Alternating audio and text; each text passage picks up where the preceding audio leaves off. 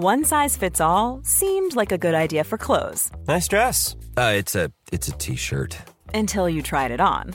Same goes for your healthcare. That's why United Healthcare offers a variety of flexible, budget friendly coverage for medical, vision, dental, and more. So, whether you're between jobs, coming off a parent's plan, or even missed open enrollment, you can find the plan that fits you best. Find out more about United Healthcare coverage at uh1.com. That's uh1.com. Hey, it's Ryan Reynolds, and I'm here with Keith, co star of my upcoming film, If, only in theaters, May 17th. Do you want to tell people the big news?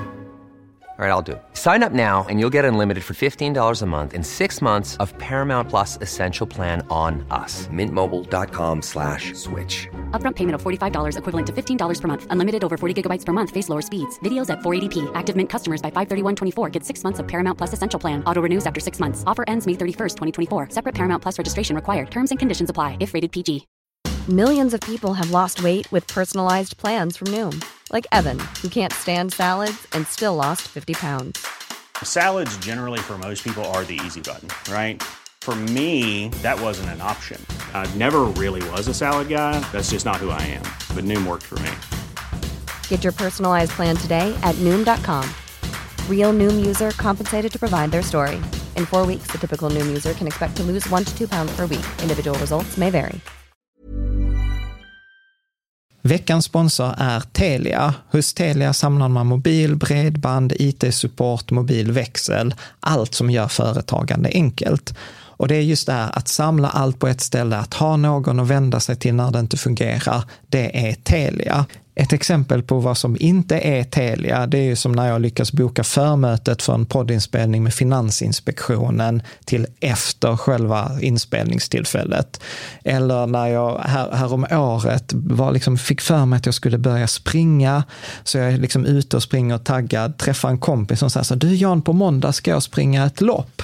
Och jag känner så här, ja men det låter inspirerande, så jag käkar pasta, jag byter om, tar mig ner till Malmö stadion för att göra en efteranmälan, står där i kön och sen så när jag liksom anmäler mig så tittar de på mig och säger så här, du Jan, vårhuset är bara till för kvinnor. Och eh, det var, det var typisk en situation som inte är Telia. Oavsett, ett stort tack till Telia som sponsrar, gör Rika Tillsammans möjligt, men framför allt tack till dig som lyssnar, följer och eh, hänger med oss varje vecka. Det är det som är viktigt när man väljer en indexfond. Vilka bolag ingår då i jämförelseindexet? Hur nära följer indexfonden det här jämförelseindexet? Och eh, vad är avgiften som man naturligtvis vill ska vara så låg som möjligt? Du lyssnar på Rika Tillsammans-podden som handlar om allt som är roligt med privatekonomi. I den här podden får du varje vecka ta del av konkreta tips, råd, verktyg och inspiration för att ta ditt sparande och din privatekonomi till nästa nivå på ett enkelt sätt. Vi som gör den här podden heter Jan och Caroline Bolmesson.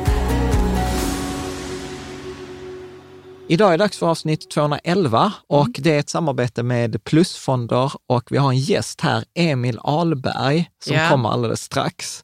Och, eh, Inte på Zoom då? Alltså, nej, utan, utan på riktigt. På riktigt ja. ja. Ovant i så här coronatid. Men vi kommer att prata om indexfonder. Mm. Och jag tycker detta är jättekul för att eh, vi, vi, har gjort 210 avsnitt, men vi har aldrig pratat om liksom så här, eh, lite nitty gritty grejerna kring indexfonder. Så här, vad är en jämförelseindex? Hur skapas ett index? Hur skapas en indexfond? Vad gör en indexförvaltare på dagarna?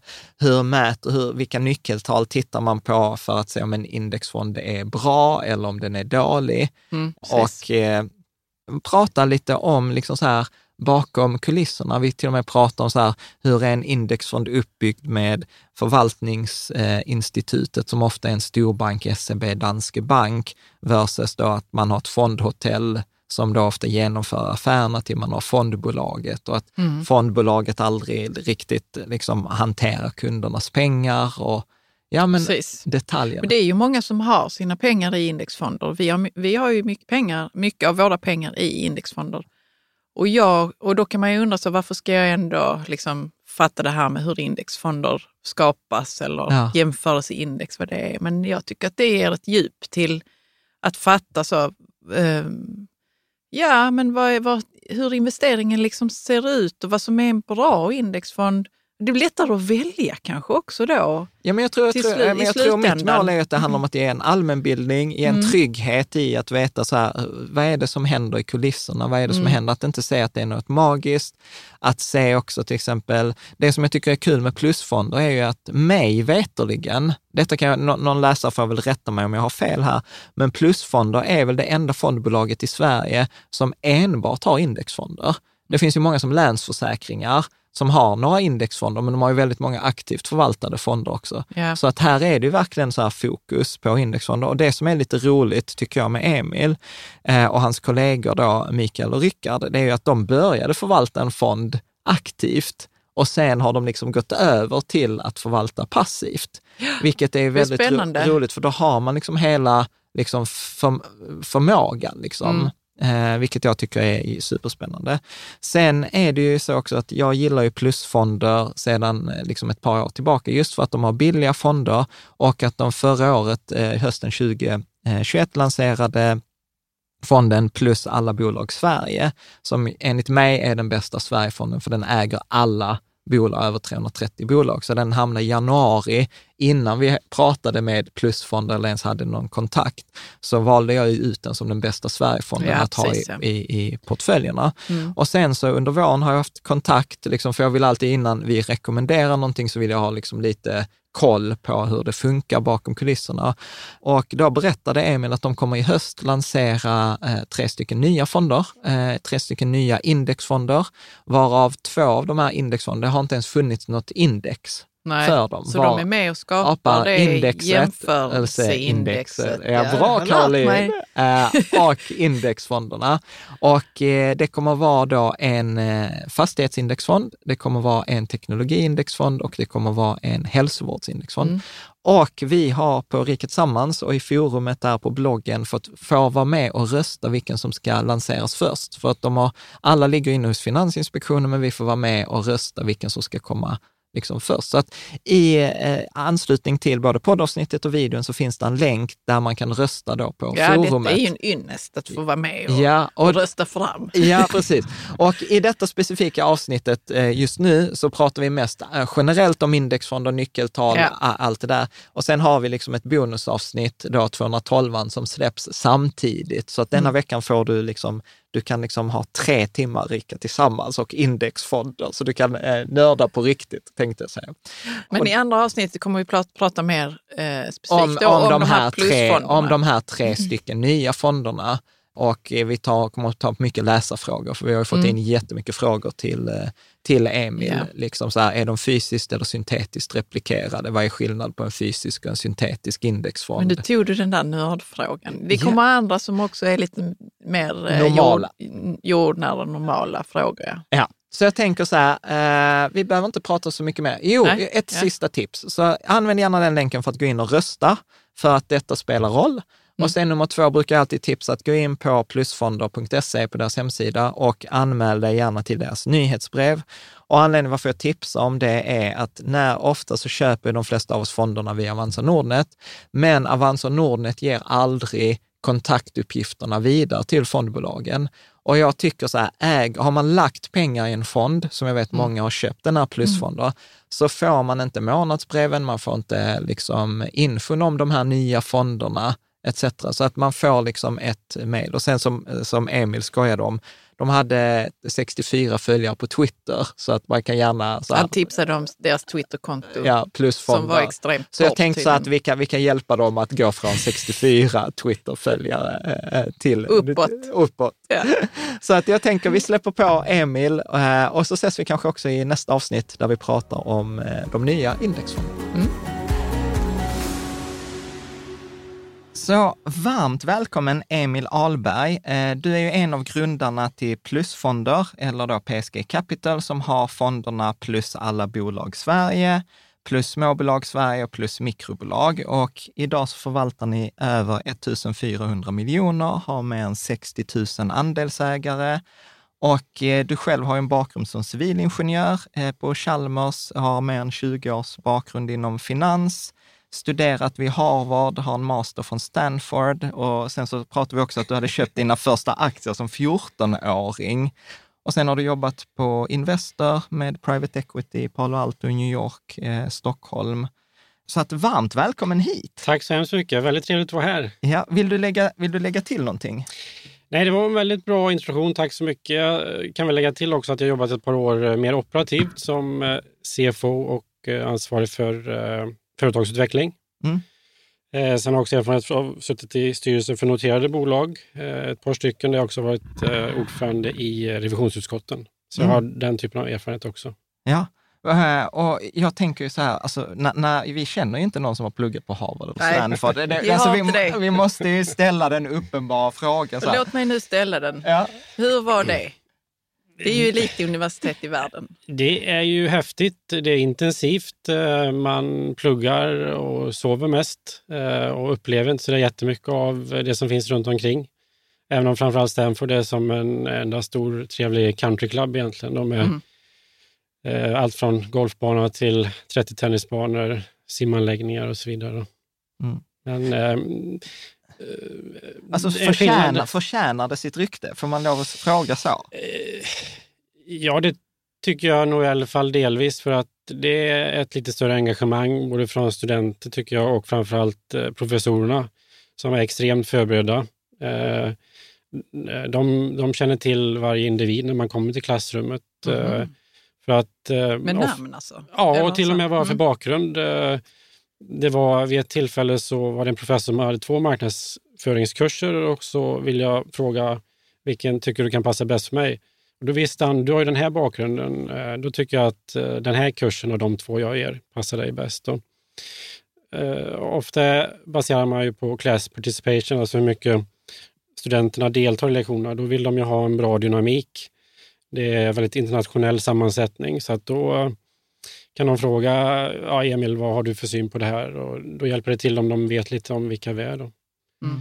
Det är Men inte så för all... participation, är det liksom att du måste vara med i samtalen och så? Ja, Funkar normal... det då inte att vara introvert och gå på ja, Jag, jag var ju ganska vara... introvert och ja. Eh, kan ibland tycka det är lite obehagligt att uh, vara den som tar ton. Så att det var ju lite ett uh, ett uppvaknande jag fick i början där. Eh, men det kommer man ju in i och ehm, det är faktiskt så att i nästan varje klass så har professorn en eh, teaching assistant eller research assistant som är en student och som eh, hjälper professorn. Och i det fallet så noterar den också vem som säger vad lite grann så också för att ofta är betyget baserat på hur man deltar. Mm. Ehm, så att helheten är att man lägger ner mycket mer tid där. Jag tror att eh, lärarna har ett eh, i samhället ett lite bättre ställning och framförallt ekonomisk ersättning så att man får... Eh, man får de mest ambitiösa ja, lärarna. Ja, och, ja. Eh, men sen är det klart att eh, jag har pluggat på Chalmers bland annat och lärarna är väldigt bra där också och studenterna. Men helheten, det blir lite bättre på, på de här eh, universiteten som vi nämnde då, mm. tycker jag. Men det kostar ju också att gå där. Ja. Eh, Eller hade du stipendium? Eh, eh, om man tar den terminen på Harvard, det var väl i princip egen ficka då. Mm. Eh, lite aktiepengar kanske delvis då.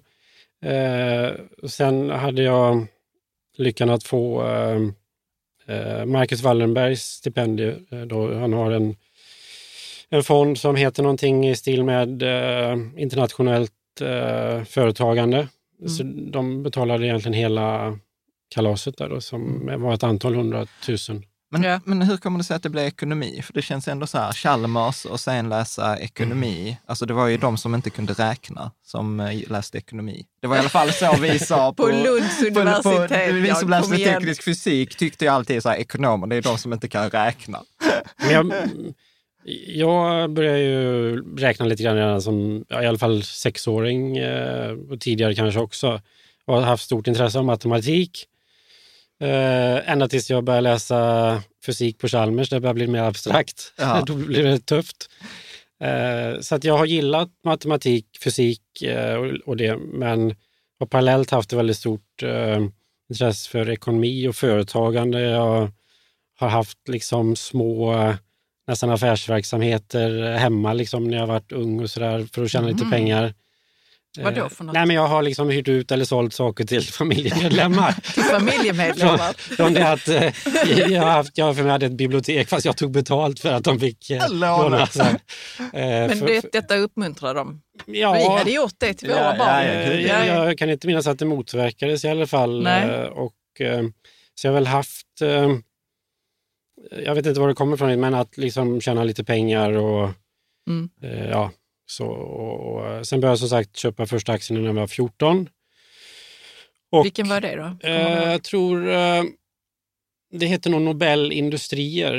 Eh, mm. ett, ett, bolag som mer hade att göra med kemi då på den tiden för mig.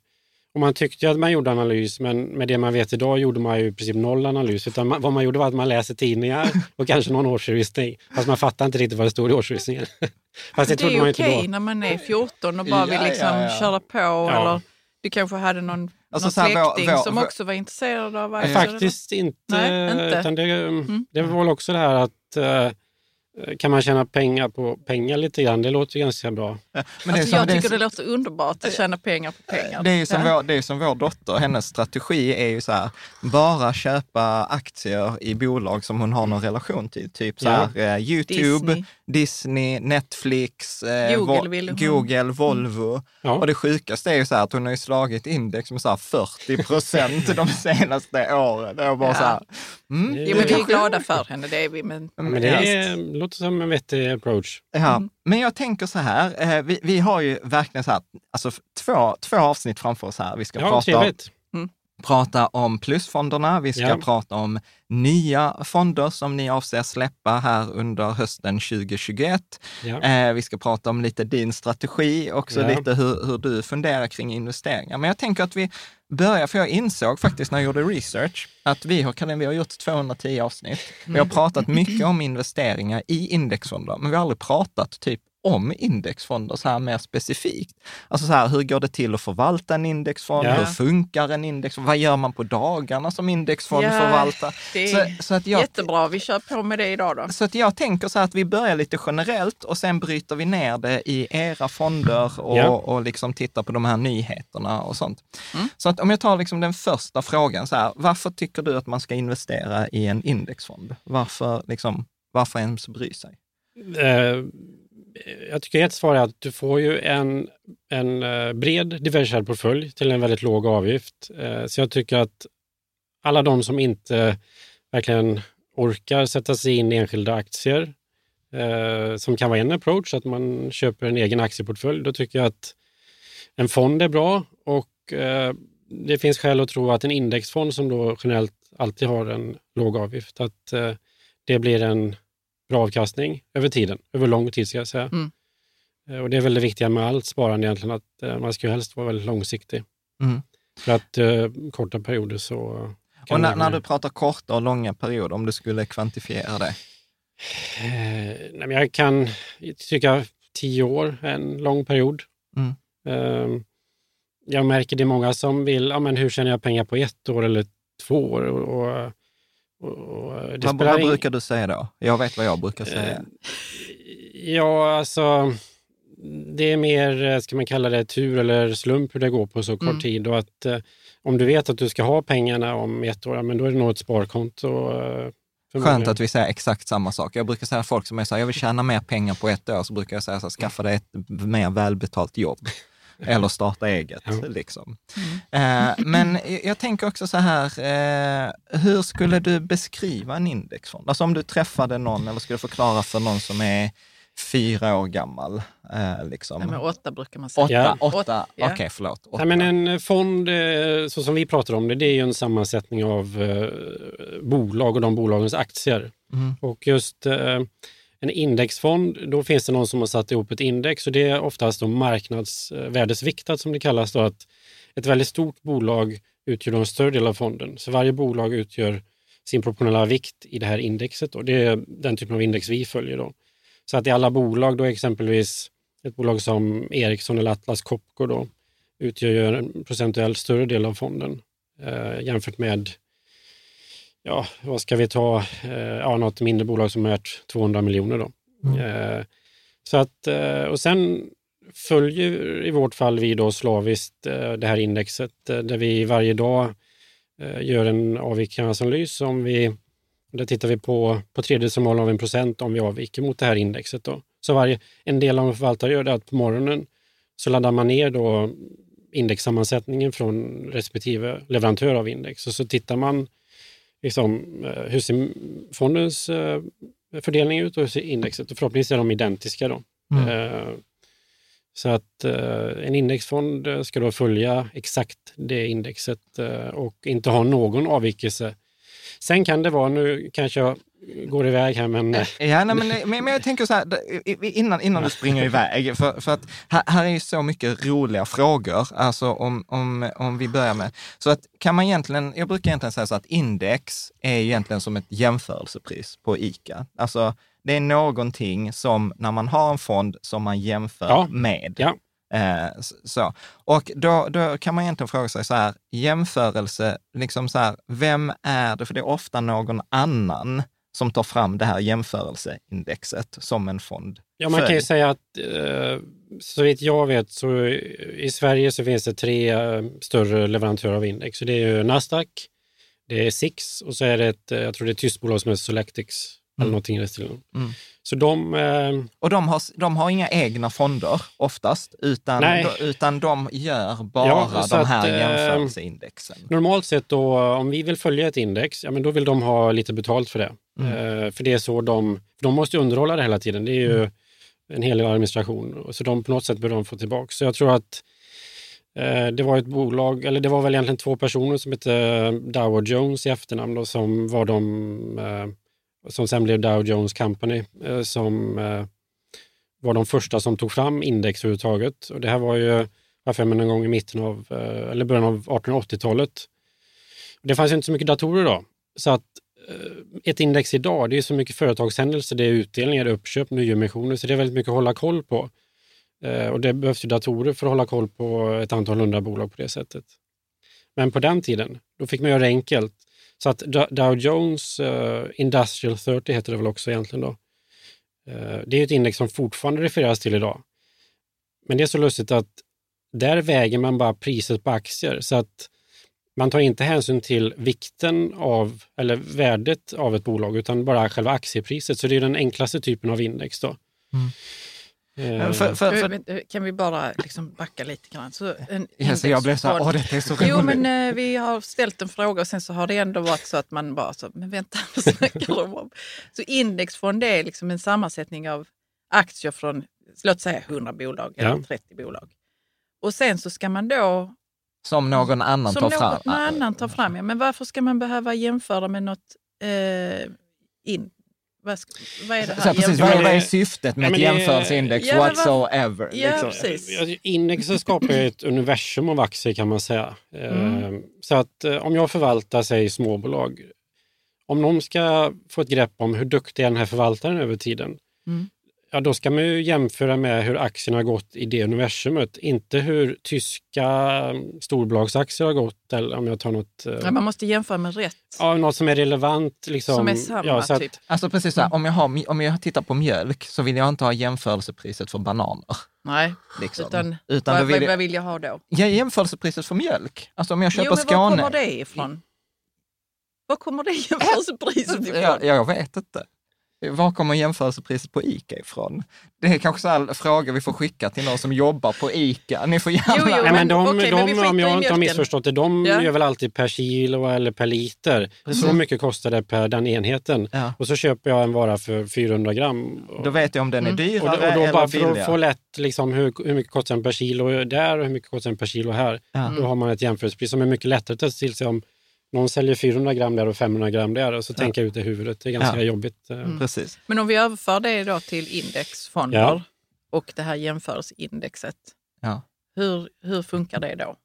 Ja, men då vill man ju ha en fond som är, om jag köper en indexfond, det är ju mm. detta som jag tycker är så spännande. Om jag köper en indexfond så vill jag ju att den ska vara så nära det här indexet som möjligt. Som, man tänk, som, eh, som marknaden har bestämt att var och en Inte marknaden, Nej, det är företaget. Det är företaget som tar fram index, som ja. heter indexleverantör, yes. som de tar fram.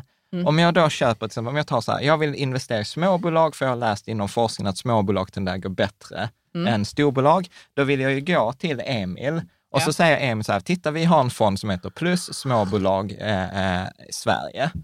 Och då vill jag ju att jämfört med det indexet för småbolag så vill jag ju få att den fonden, när jag lägger mina pengar hos Emil, att de två matchar så nära som möjligt. Ja, för att, vad är det om de inte gör det då? Ja, om de inte gör det då, då säger man att då är det en dålig indexfond för den följer inte sitt index. Mm. Och då finns det olika nyckeltal, då till exempel tracking error, ja. Eh, som då som du pratar också, när man kommer in på jobbet så vill man se avvikelsen mot index. Och då säger till exempel Vanguard, som har indexfonder som är störst i världen, då säger de så här, det ska max vara en avvikelse på fem baspunkter.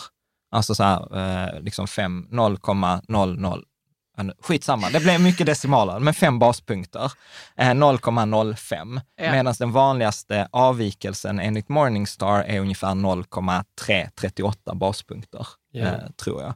Hänger du med då? Och skulle vi mm, ha 0,05 procent avvikelse, då, liksom, då, då går flaggan upp kraftigt. Liksom. Ja. Det tycker vi är mycket. Ja. Mm. Så hänger, Detta stämmer nu, det som Jan säger. sån quality check, så här realtid. Yeah. Uh, men, men jag tänker också, en, en annan grej som vi, du bara nämnde i förbigående, ja. är ju att det finns ju då olika sorters index. Att det finns där Dow Jones Industrial 30 som är ett prisindex. Ja, det är till och med priset på aktier, så det är inte ens värdeviktat så att säga. Det är, det är den extremen. Och sen de flesta idag är ju värdeviktade. Precis. Och det, för, och det för, kan vara pris och det kan vara avkastningsindex. Ja, och det är en fråga så här, för det, det är en sån diskussion, nu blir detta en nördig fråga, men det är mm. den diskussion vi hade på forumet, eh, som var så här, varför är alla index marknads eller så här, marknadsviktade? Varf, varför är de inte lika viktade eller varför är de inte prisviktade? Alltså, utan alla är så här, ja men det ska vara kapital eller marknadsviktat. Det vill säga på bolagets storlek. Men man hade lika gärna kunnat säga att ta ett index där man säger att alla bolagen har lika stor plats i indexet. Hänger ja, med? Jo, detta har vi pratat om innan. I jag har inget mm. uh, rätt svar, eller så, men jag kan tänka mig att, uh, säg att du har ett bolag uh, som återigen Ericsson då, som har ett antal hundra miljarder i marknadsvärde. Och så kanske har ett bolag som är riktigt, uh, lite skabbigt som är värt 150 miljoner. Då kan jag tycka att Ericsson, hur den utvecklas, ska ha lite tyngre vikt i hur totalen utvecklas än det här mindre bra bolaget. Då. Ja. Mm. Så jag kan tycka att den här marknadsvärdesviktningen är rimlig. Eh, Alltså forskningen säger ju att man ska marknadsvikta, så att det, det är ju rätt svar enligt Men teori. Men då utgår man från att de större bolagen eh, går bättre eller sköts bättre? Nej, nej, nej, nej. Man nej, utgår okay. bara från att de är större. Ja. Alltså det, det de, eftersom de är större ska de få större påverkan i eh, hur index ja. utvecklas. Mm. Eh, så, så, nej men för, för att, ja, det är en intressant frågeställning. Och, ja, nej, men vi vet inte. Det var ju därför vi var så här, liksom, funderade, så här, din åsikt. För, för, för sen hittar jag också att ibland, det, fin, det, finns inte så mycket i Sverige, men det finns ju fundamentalviktade index också. Okay. Eh, att där man säger så här, men de, detta är lönsamma bolag, så att de, lön, de som är, har högst som lön, mest, mm. lönsamhet, de får störst plats. Eller Liksom mm. alla möjliga. Men det vanligaste är ju att de är marknads eller så kan... Är, är vi, ja, ursäkta. Nej, kör, kör. Äh, och, och vår utgångspunkt när vi är startat är att man ska kunna mäta våra fonders prestation mot index. Eh, därför så ska vi äga exakt alla bolag. Vi tar inte bort några, vi lägger inte till några.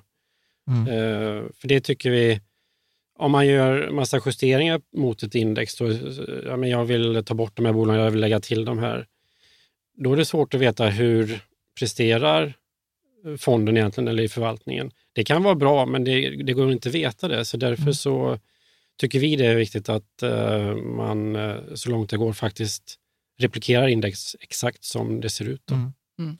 För, för, för, det där är också en sån vanlig fråga som jag får ibland, så här, att vet, folk har lyssnat på vår podd eller någonting och sen kommer de och säger så här, ja men nu har jag köpt eh, en indexfond.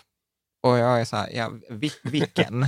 för att de, liksom vad, vad många inte vet idag, det är ju att jag tror att det finns fler index än vad det finns aktier. Jag tror att det finns för... så? Ja, ja, jag såg någon siffra. Hur många där... indexfonder finns det? Nej, inte, inte indexfonder. Nej, förlåt Index. Mig. Index. Jag, oh, jag tycker det fortfarande är svårt att skilja på. Ja, Men, men tänk, tänk så här att, att vet så här, vissa människor är intresserade av liksom, fotboll, vissa är intresserade av handboll, vissa är mm. intresserade av skidåkning, vissa av curling och vissa av ja. Liksom jag så här, ja. Mm. Och då finns det ju liksom inom det, vissa är intresserade av småbolag. Småbolag i Norge, småbolag i Sverige, småbolag i USA, småbolag i hela världen. Mm. Det är bara småbolag. Sen kan man ta små, lönsamma småbolag i USA. Mm. Så att man kan skapa vilken sån här universum som helst. Och jag såg någonstans att det finns 40 000 eh, liksom, eh, index. Ja. Har, har du någon tanke, liksom, vilka är de liksom viktigaste indexen Oj. skulle du säga att ha koll på? Det beror nog på vad man eh, har för syfte eller vad det är man vill åstadkomma. Eh, någon kanske vill följa globalindex, eh, något av de som finns. Någon kanske vill följa eh, det som alla bolag följer och det svenska indexet med börsens alla bolag. Eh, så att eh, jag tror inte det finns, det går nog inte att säga för alla att det här är det viktigaste, eller, utan finns inga sådana bas, ja, vad ska man säga, basplagg i eh, garderoben? Jo, men jag liksom, tycker ändå det finns. Skulle jag, nu kommer jag säga emot ja, dig här. Nej, nej, det, är, det är helt okej. Okay. Jag, Nej, men jag, jag, är inne på som du, global index. Ja. Det tycker jag är liksom viktigt att man har. Det, det, det är som, typ jeansen. Ja, det är typ jeans. Men det är så här, åh, nej, nej, det är okay. jeansen om man är en person som gillar jeans. Alltså så här, om man tror på forskningen ja. så är ju global, så MSCI World, skulle mm. jag säga, det är det liksom bredaste index. Det innehåller väl 2000 bolag. Sen skulle jag säga ett svenskt brett index, det som är fond, ja. plus alla bolag Sverige eh, håller. Och sen skulle jag faktiskt säga tillväxtmarknadsindex. Ja. För att MSCI World, eh, då det globala indexet, av, det kanske du vet, av någon anledning så ingår inte Kina, Sydkorea, Taiwan och alla de här, Brasilien, Indien, i ett globalindex, utan de har man liksom bara tagit bort. Men är de inte för osäkra? Vad säger du, Emil? Vet du varför, varför de inte Jag har ingen aning, men om jag tillåter mig att gissa lite ja. så kan det vara så att eh, det är möjligt att indexet, eh, de här som man refererar är ganska gamla och att de här marknaderna var ganska små då. Ja. Mm. Eh, det är väl en faktor. Och sen blir det jobbigt för vissa som ska följa det här indexet om man ska ta med alla de här bolagen också. Men nu spekulerar vi. Ja, men, jag tror men det kan inte ha politiska Jo, men det kan det också vara. Alltså, så jag, tror, jag tror enligt någon sån här klassning i sån här världshandelsorganisationen så är ju Kina fortfarande ett u-land. Det var ju mycket diskussion här nu med Wish för något år sedan, att, att det är fortfarande så mycket billigare porto till Kina för att Kina är ett u-land enligt någon klassning och då hade posten billigare porto. Nu vet jag inte, nu är det så här spekulation, men, mm. eh, men, mm. men, men jag tänker, om vi tar för Sverige, till exempel för ja. Stockholmsbörsen, så finns det ju en uppsjö av eh, index. Ja. Vilka, vilka upplever du är de vanligaste som du brukar komma i kontakt med? Eh, nej, men det finns ju då eh, de här för hela börsen. Det, har ju Nasdaq och Six varsitt kan man väl säga som är kan man säga att de är identiska? Det är väl 6RX brukar jag väl säga. Kan vara några, ja 6RX och så det här OMX Stockholm, GI, GI eller Vissa lägger till all cap också bara för att tydliggöra att det är alla bolag. Eh, eller all share. All share. Ja, all share. Eh, och, och, vad jag, om det är skillnader så är de marginella skulle jag säga på de ja. två indexen. Och vi går ju efter det Nasdaq indexet. Där Ja, fast ni, alltså, jag kan ju säga, jag, brukar, jag har ju utgått ofta från 6RX eftersom det indexet eh, har längst historik. Okay. Och ni följer ju det ja. jättebra, så jag, ja. det, det är så jag hittar det. Okay. För ofta, exempel när jag investerar, så hittar jag, liksom, så läser jag forskningen, så säger den att man ska investera i allt och så letar jag upp ett index som har allt. Och sen blir nästa fråga, hur hittar jag en fond som följer det liksom så bra som möjligt? Mm. Hänger du med?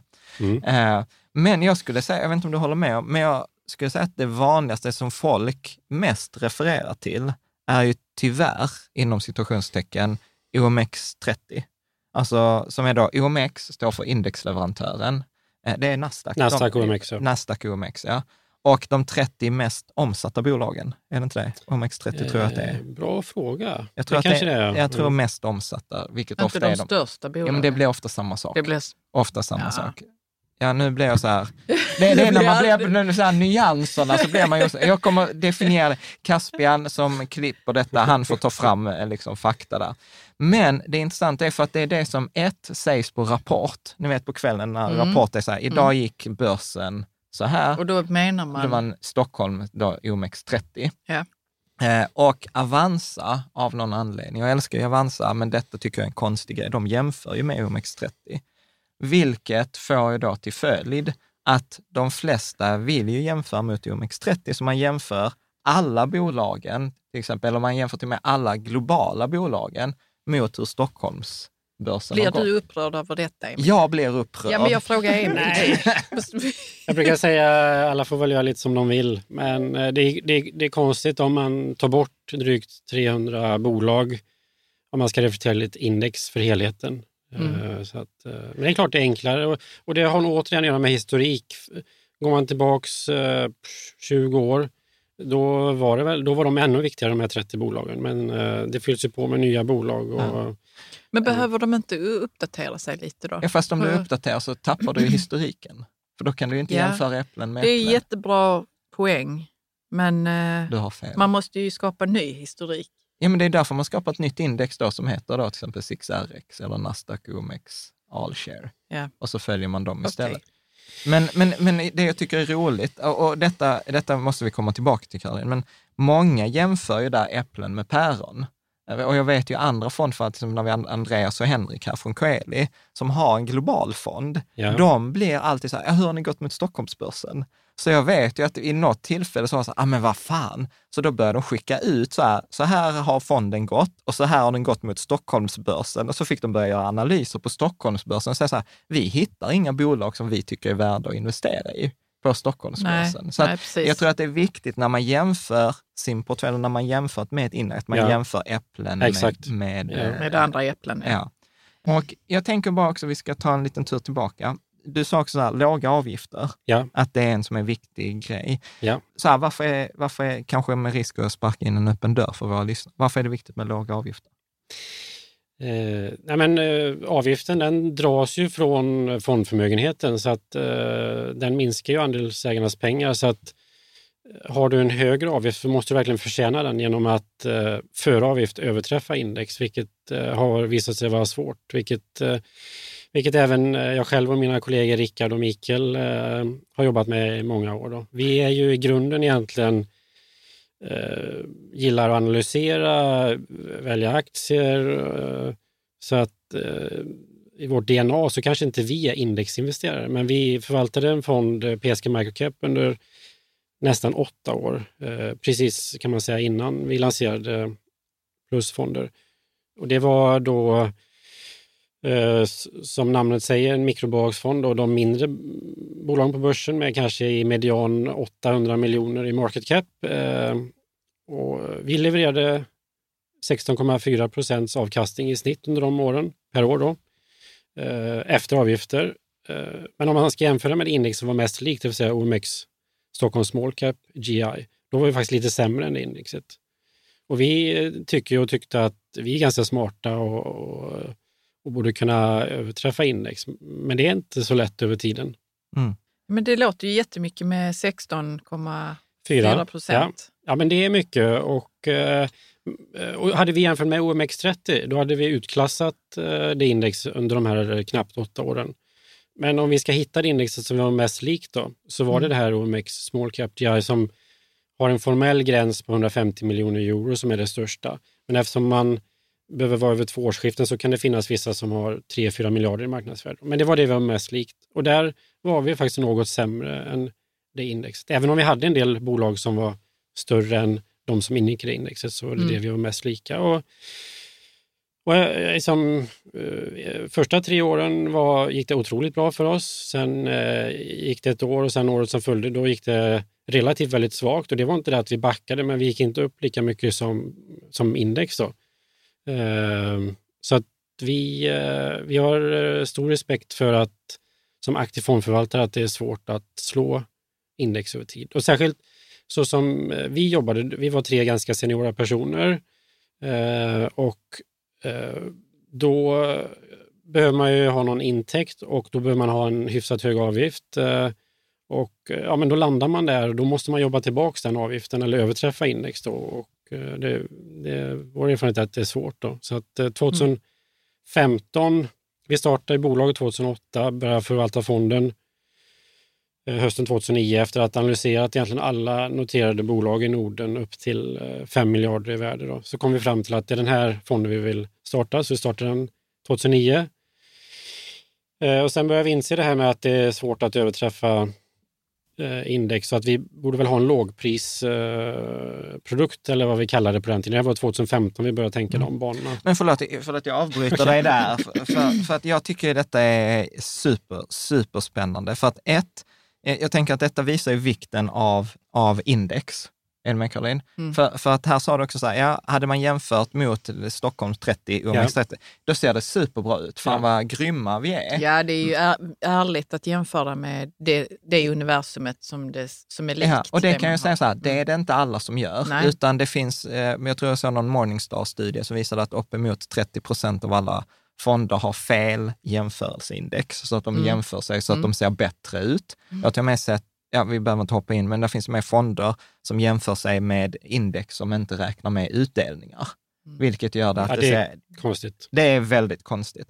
Och, och, och sen så tycker jag det är liksom så här himla prestigelöst av er att, att faktiskt säga så här, titta här, vi är smarta, vi har gjort detta och det verkar inte som att vi slår, att vi slår index. Och, och det där tycker jag, liksom, hur, hur gick de där samtalen till er tre emellan? För att det där är ju inte det vanliga, utan det där kräver mycket prestigelöshet, det kräver väldigt lite ego och liksom massa andra... Liksom. Eh, USA ligger ju före Sverige i många avseenden och framförallt i eh, passiv förvaltning, indexfonder som Vanguard var en av de första och sen har det kommit andra aktörer. Eh, så man hade kommit mycket längre och att en mycket större del av det förvaltade kapitalet var indexfondskapital. Då. Så vi såg nog att eh, framtiden är nog eh, i Sverige eh, indexfondsförvaltning eh, och låga avgifter. Och, eh, jag tror en del var ekonomiskt incitament att om vi gör det här bra, det finns ingen i Sverige idag, förutom vi som är fokuserade på indexfonder. Det, de flesta har det, men de har mycket mer aktivt förvaltat kapital.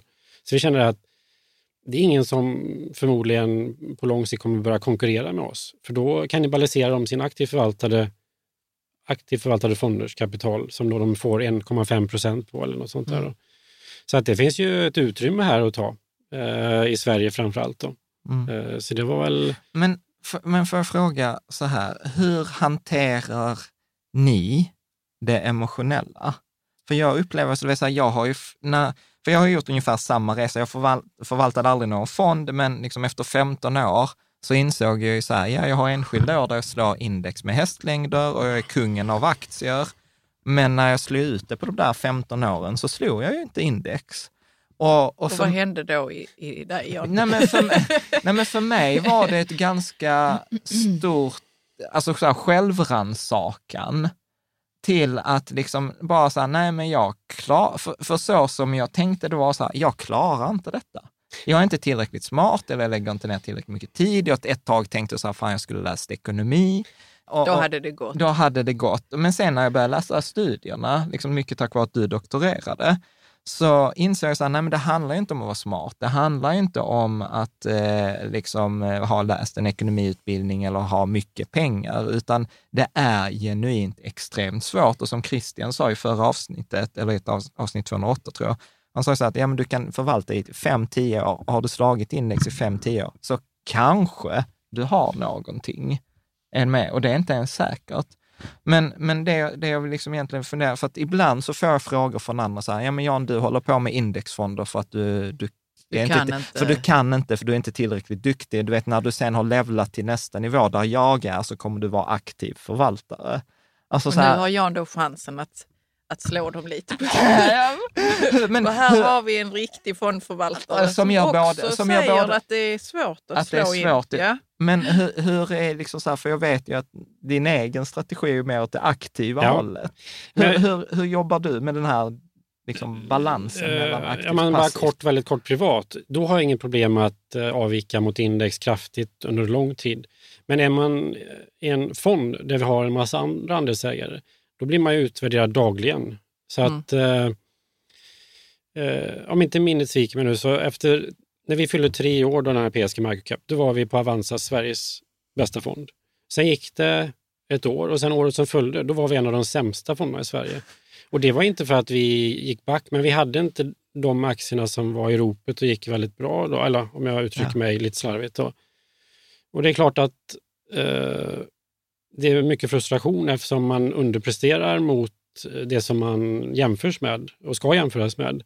Eh, så att... Eh, eh och det blev väldigt offentligt. Ja, och, men det var frustration i alla Man är ju tävlingsinriktad och, eh, och även om vi är långsiktiga så eh, mäts man ändå liksom på den sista perioden lite grann. Så att Nej, det, det var tufft emellanåt faktiskt. Och då spelar det ingen roll att man hade en period där det gick jättebra. Mm. Så att det är lite berg och dalbana emotionellt kan man nog säga, även om vi tre är Micke, Rickard och att vi liksom, eh, skulle säga ganska solida i psyket. Och, ja, eh, för, för, för, vänta, får jag bara fråga. Läser ni eh, forskning kring eh, det här med index och, och så? Eller, alltså, man har mycket att göra.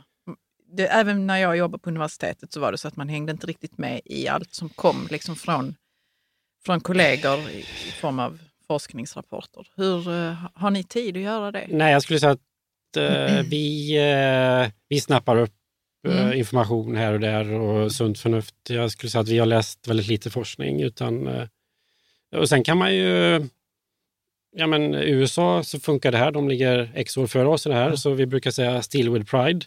Mm. ja, men det kommer komma till Sverige och det finns liksom många affärsmodeller. Alltifrån eh, att man har aktioner på nätet. Så det fanns mycket tidigare i USA, så att eh, indexfonder fanns mycket tidigare i USA. Men, men jag tänker, hur, hur gör du själv för att eh, liksom balansera? För, så här, om jag, om jag omformulerar. Många aktiva fondförvaltare har inte kommit till denna kommit till den insikten, utan de har några bra år och har inte kommit dit eller har inte prestigen att erkänna det eller det är, liksom, det är någon annans fel, det var otur eller så här, förstår du? Ja.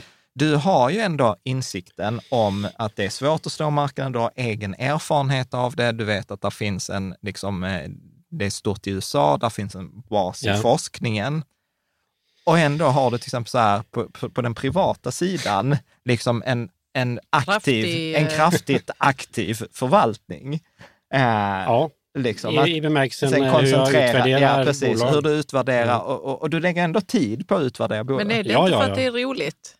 Det är lite så... Eh, är det liksom att detta är jobbet och detta är hobby? Ja, nej, men det är nog mitt eh, DNA lite grann. Att jag, ja, men jag älskar att läsa årsredovisningar, kvartalsrapporter och följa bolag över väldigt lång tid. Och eh, Eh, jag vill välja de bolagen som jag tror på. Och de som jag väljer, nu pratar jag privat, privat och hur jag privat eh, tänker. Mm. Mm. Och jag har en investeringsfilosofi som förmodligen inte liknar någon annan och rekommenderar ingen annan att efterlikna heller. Men det passar mig. Mm. Jag fattar mina egna beslut. Jag kan leva med, går det ner 20 procent imorgon, fine. Jag, liksom jag gör hellre ett underbyggt beslut och som kan visa sig svagt än att det vore mycket värre att ha ett mindre felaktigt beslut eh, om jag investerar i något som jag inte kan så bra. Ja. Uh, men, blir det, men... Ja, men detta har vi pratat om, Jan, det där med att man har en, en beslutsprocess ja. och att den är genomtänkt och så. Och då kan det ändå gå ner 20 procent, men man är ändå nöjd för att ja, processen men, var rätt. Men precis, men min poäng, jag tror, att, jag tror egentligen min poäng här, för man pratar alltid om sig själv, mm. är ju att liksom så här, att det är okej okay att ibland vara irrationell. Att jag vet att det som är bäst för mig, det som är bäst för mina pengar, det är att placera dem i indexfond. Det kommer ge bäst avkastning över tid. Men ändå så har man den här dragningen åt att göra sin egen grej, tänker ja, jag. Det är eh, mänskligt. Och det är mänskligt eh, och, och, att, och att man får empati med det. En risk för att, ursäkta att jag, men risk för att jag upp det, så jag tror ju ändå att mitt sätt att investera och tar de beslut jag gör kommer ge en bättre avkastning. Jag gör inte det bara för att jag tycker att det är tillfredsställande. Jag gör det för att jag tror att det blir bättre ekonomiskt än att sätta allt i våra indexfonder. Ja. Uh, Så hur går det? Hur har det gått? Ja, och hur är strategin? För nej, men, eh, hur det har gått? Det har gått, ja, men det har gått väldigt bra sällan, men det är först om 10-15 år man kan säga om approachen är bra. Nu är det liksom inte ens halvtid. Ja. Och då ska det sägas att e- Emil avslöjade det på ett fika tillsammans. Han äger två bolag. Så ja, i den börsnoterade portföljen så kan man säga att över 90 procent utgörs av två bolag. Ja, ja det är... Det, men det, det, det, det, har man cojones. men det är bolag som jag då ett träffade 2008 första gången ja. och har träffat ledningen konsekvent sedan dess. Läser i princip allt, både som bolag presenterar och annat. Vilket eh, bolag är det? Vill du jag tycker det? inte vi går in i några nej, nej, bolagsnamn här. Sen nej. det andra är också ett bolag som jag har följt väldigt länge och uh, träffat ledningen, så jag är väldigt komfortabel med hur de bedriver sin verksamhet. Och sen uh, på det sätt jag utvärderar ett bolag så och då kan man säga det är tre komponenter. Det är liksom långsiktig intjäningsförmåga som då är kopplat till vad jag tror är rimlig eh, intäktsutveckling, marginalutveckling, bruttomarginal, rörelsemarginal. Eh, kan man se marginalexpansion. Eh, så binder man mycket kapital, det vill säga den vinsten som bolaget gör, kan jag få ut den som aktieägare exempelvis. Då. Sen en annan komponent är risk som jag lägger väldigt stor vikt vid och sen mm. då värdering. Så att de tre är alla väldigt viktiga komponenter. Och jag bedömer att, det kan jag visa om fem år att jag har haft fel då, men att det är mindre risk för mig att eh, ha nästan alltid de två bolagen än att ha tio bolag som jag inte riktigt har koll på. Mm. Eh. Ja, du har koll på dem. Men eh, har du eh, familj och så? Nej. Nej. Ingen som kommer motsätta sig detta? jo, men, va, va, va, man blir så spännande. Var kommer det, frågan Jo, men Jan, du gör ibland grejer så med våra pengar. så jag så, men varför sa du inte det till mig? men, så men, kan det ju vara att man har någon som motsätter sig. Ja, men det är men, också skönt om man inte har det. Ja, men jag tänker också så här, du berättade också en historia att du, när du jobbade i Palo Alto med private equity, så hade du liksom att Wallenberg, Peter Wallenberg kom dit och du höll en presentation. Ja. Kan du inte ta den anekdoten? Jag tyckte det var kul. Eh, jag eh, jobbar för Investor, deras amerikanska investeringsorganisation och där hade vi jämfört med Investor Classic om man säger så, vi gjorde mer teknologiorienterade uh, investeringar i onoterade bolag då, som mm. hade kommit en bra mm. bit på väg men ändå mer teknologi. Det var mjukvara och tjänster inom internet och så här. Och, uh, då kom det en delegation från Stockholm och vi skulle berätta hur jobbar vi här? Hur ser investeringarna ut? Och så gjorde jag, eller jag fick äran att, att sätta upp en presentation kring den senaste investeringen vi hade gjort, vilket var ett mjukvarubolag som hade en ledande position. Och eh, det var väl storleksordningen 15-20 sidor någonting i den presentationen. Med att då Peter Wallenberg, eh, och det här var då 2002, 2003 någonting. Och där beskriver jag då eh, bolaget, eh, varför vi tror att det kommer vara framgångsrikt, marknaden och massa sådana aspekter. Och jag har väl kommit till sidan två när han då har Peter bläddrat igenom hela presentationen och han säger, var är balansräkningen? Man måste alltid ha koll på kassan. Mm. Och helt rätt, nu var ju inte det syftet, men man plockar upp sådana där, att någon som har jobbat med affärsverksamhet, investeringar i jag vet inte hur många år, eh, från man var kanske 14 och så plockar man upp sådana här, och från mina kollegor Mikael och Rickard, otroligt eh, duktiga, kloka personer, man snappar upp liksom hela tiden. Så jag skulle säga att man är mycket bättre investerare idag än bara fem år sedan. Eller, mm. ja, eh, man får ta till sig den erfarenhet man har. Då. Vad, gör, vad gör Mikael och Rickard nu? Ja, de är ju involverade i eh, i eh, då Plusfond PSG Capital. De är ju, det är vi tre som äger bolaget tillsammans. Eh, och vi har lite olika uppgifter. Eh, vi gör ju dagliga avstämningar eh, mm. och vi utvecklar verksamheten. Eh, Men de jobbar på andra håll i finansbranschen också? Eller? Nej, ja, det, vi gör vissa mindre uppdrag emellanåt, mm. men vi har ju egna medel som vi också förvaltar. Mm. Eh, Rickard sitter i ett par börsstyrelser. Mm. Eh, så att, eh, Men detta är dina medgrundare ja, du pratar ja. om? Rickard, eh, Rickard Hellekant och Mikael Gunnarsson. Mm. Eh, kort bara där. Båda läst på Handels i Stockholm. Eh, Rickard eh, jobbade sedan åtta år på Carnegie inom investment banking. Eh, där han då, och sen jobbade vi tillsammans fyra år på Provider. Det var så vi lärde känna varandra och tyckte att nu startar vi eget här. Då. Eh, och eh, Mikael började först som analytiker på Öhman många år sedan och sen jobbade han många år på också Carnegie Investment Banking eller Corporate Finance som vissa kallar det. Där han också var ansvarig för värderingsavdelningen eh, och det teamet där. Då, vilket innebär att han var involverad i väldigt många av deras transaktioner. Och då gör man ju rådgivning åt företag som vill göra uppköp, gå samman med bolag, eh, nyemissioner, börsintroduktioner. Det är den typen av rådgivning som de höll på med. Då. Eh. Millions of people have lost weight with personalized plans from Noom. Like Evan, who can't stand salads and still lost 50 pounds. Salads generally for most people are the easy button, right? For me, that wasn't an option. I never really was a salad guy. That's just not who I am. But Noom worked for me. Get your personalized plan today at Noom.com. Real Noom user compensated to provide their story. In four weeks, the typical Noom user can expect to lose one to two pounds per week. Individual results may vary.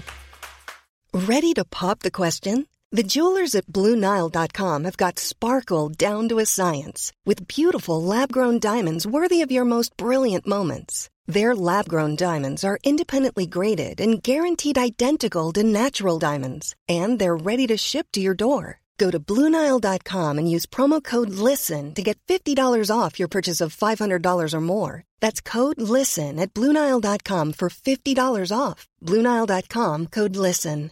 I'm Sandra, and I'm just the professional your small business was looking for. But you didn't hire me because you didn't use LinkedIn jobs. LinkedIn has professionals you can't find anywhere else, including those who aren't actively looking for a new job but might be open to the perfect role, like me.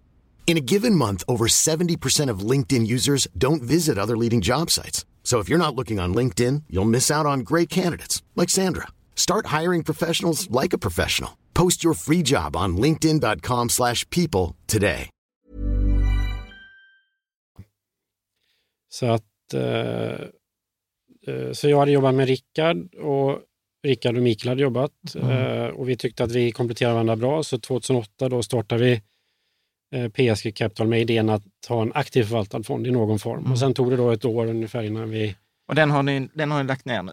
Den liksom, likviderar vi då. Så nu har ni bara de här indexfonderna? Ja, för att eh, 2015 då när vi började fundera på en, en eh, lågavgiftsfond eller fonder, då tänkte vi först göra den i en aktiv förvaltad kostym, för det var det vi kom ifrån. Men vi insåg det att ska man kunna hålla riktigt eh, låga avgifter och hålla låga kostnader, då och det med låga intäkter, då behöver låga kostnader. Då det är det passiv vägen man måste gå helhjärtat. Då. Mm. Eh, så att du inte behöver ha eh, tre eh, heltids seniora personer som väljer bolag då, utan att det går att driva på lite annat sätt. Men för, för, för att det där är också en sån där eh, grej, alltså som vi pratade, låga avgifter. Att det där är ju superviktigt för oss liksom investerare. Och, och där finns ju massor av exempel, till exempel att om man har en fond, eh, man säger 100 000 och 20 år, jag gjorde sånt räkneexempel, ja. 100 000 20 år. Om man har en eh, fond eh, som har 0,3 procent i avgift och en fond som har 1,4 procent, 1,5 procent mm. i avgift, ja, då är det ju en skillnad på över, antingen att man betalar 16 000 i avgifter över den perioden eller 70 000 i avgifter. Ja, stor skillnad. Så att det är mm. liksom flera multiplar i det där. Men det, det tänker jag också så här att om, om man gör ett snabbt eh, överslag så är det så att ni har 1,5 miljarder ja. i förvaltat kapital och era fondavgifter ligger på 0,4, men då brukar jag tänka så här, man kan dra av hälften, för det går ofta till Avanza eller Nord, Nordnet, ja. så det är 0,2. Eh, så att det är ju typ Och sen har vi 0,1, så man kan säga drygt en miljard ligger i mikro och småbolagsfonderna där vi ja. då får 0,4 eller våran del är 0,2. Ja. Och sen resten då 400 någonting ligger i alla bolag där vi då har 0,2 där vi får hälften av 0,1. Så att det är ju liksom så här, så snabbt överslag, det är ju en omsättning på 2-3 miljoner. Det är ju inte, det är ju ing, alltså så här, det är ju inte Uh, det är ju inte inga feta pengar Nej, om, man, om, om, om, man säger jämfört med om man ska bli rik i finansbranschen så finns det ju spackar och hedgefonder. Man kan och, göra mycket annat. Ja. Man kan Eller göra mycket annat. avgifter. Ja. ja, men så att det är ju, för det där vet jag har varit eh, en, en sån fråga, för jag vet både läsa och andra ställen, att eh, nej så här, för, kan, kan man ta ut löner på, på liksom tre pers och compliance mm. och allting när man tjänar två miljoner? Nej, det är ju svårt. Eh, då även eh, under tiden på PSG Microcap-tiden, då, den aktiva förvaltare, då tog vi ut väldigt modesta löner och presterade ändå hyfsat. Och så vi eh, har väl kvar ungefär 8 miljoner i vinstmedel från den tiden som vi då finansierar det här med. Mm. Och eh, som vi tänker att på lång sikt vill vi ju ha en palett av fonder där eh, man egentligen ska kunna hitta nästan allting man vill ha i fondväg eh, mm. inom vissa gränser. Då. Men vi, att etablera en fond kostar pengar och drifta. Och därför har vi sagt så att eh, men vi lanserar först de här två första småbolagsfonderna och sen när vi ser att vi är break-even på dem, då går vi med nästa fond, vilket då blir alla bolag och sen när, den, när de tre är break-even i verksamheten, då kommer vi med nya fonder och så kommer vi hålla på.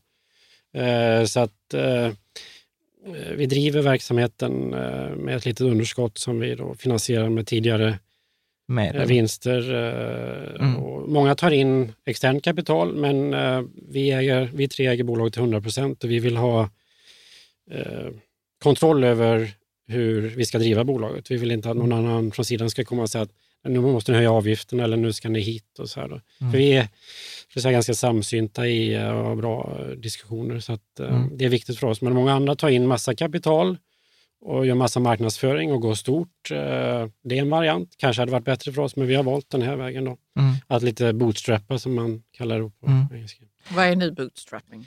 Nej, men är det, är att man, man bara... drar ner kostnader? Nej, men det är snarare nej. att man, gör, man använder de medel, eh, få medel man har, liksom mm. gör det mesta man, möjliga. Jag skulle säga så här, man rättar matsäck ja. efter mun, eller, eller tvärtom. Ja, eller hur är det man säger? jo. Rätt, ja, skit. Men alltså, inså, ja, ja, precis. Jag bara insåg så här ibland att man ska dra så här ordspråk som man inte kan. Måste man tänka på dem innan man... ja, men precis. Hur var det nu? Ja, men du, jag... ja, vi, ja. Nej, men så är det ju. Så ja. att, eh, kostnaderna men... är ju otroligt viktigt att ha koll på eh, eftersom intäkterna är så låga. Ja. Mm. Men vi hoppas ju att intäkterna som är direkt kopplade till den förvaltarvolymen kommer vara betydligt större om fem år eller vad det är. Då. Ja, mm. precis. Men jag, jag, tänk, jag, tänker så att vi ska snart börja runda av liksom detta. Men jag har några fler grejer vi ska, ja. tänkte så vi ska ta in, kring indexfonder. Sen tänkte jag att i nästa avsnitt så dyker vi ner i era fonder ja. eh, specifikt. Vi skulle ju också fråga hur en, en, en vanlig dag är. Ja, men det var ju det, det, det var dit det vi är på väg, komma. tänker jag. Jag var orolig att vi inte skulle få med det. Ja, nej, men det, jag har nej, sett men, på forumet att det är flera som uh, funderar på. Ja, men, ja. För det är ju helt annorlunda än en aktiv förvaltare när man sitter och läser och läser egentligen. Ja, mm. precis men, som vi inte gör i det här. Men jag tänker så här, vad, vad roligt, ni bara vill dra i mig här. Jag, jag, jag vill liksom ta det i min ordning här, så bestämmer jag. Eh, vi har pratat om fördelar med indexfond, det är så låga avgifter, det är enkelt, eh, det är låg omsättning, man äger alla bolag.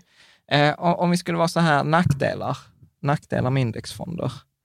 Eh, vad skulle du säga? Ja, de nackdelar, nej men så här, du kan säga de nackdelar jag brukar få höra, ja, så, så, kan, så kan du säga Uh, att till exempel så att, att det är tråkigt, uh, att det är genomsnittligt, att man kommer aldrig slå index.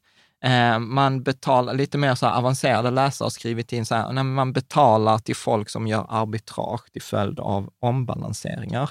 Alltså när indexen förändras, ja. så, eller ombalanserar, ah, okay. så är det folk som kan säga, okej, okay, nu kommer detta bolaget ja. komma in i index, då köper vi det, eh, eller nu kommer detta bolag gå ut ur index. Då... Det kan nog ligga det är det man betalar för, typ. i det. För att, mm. Eh, ja. Uh, och, och sen, uh, men om alla känner till det, då borde det inte bli arbitrage i och för sig. Ja, men så, så resonerar jag också. Ja. För det, det, var faktiskt en sån här fråga, det var ju mycket diskussion här när, innan Tesla skulle in i det amerikanska ja, ja. S&P 500-indexet.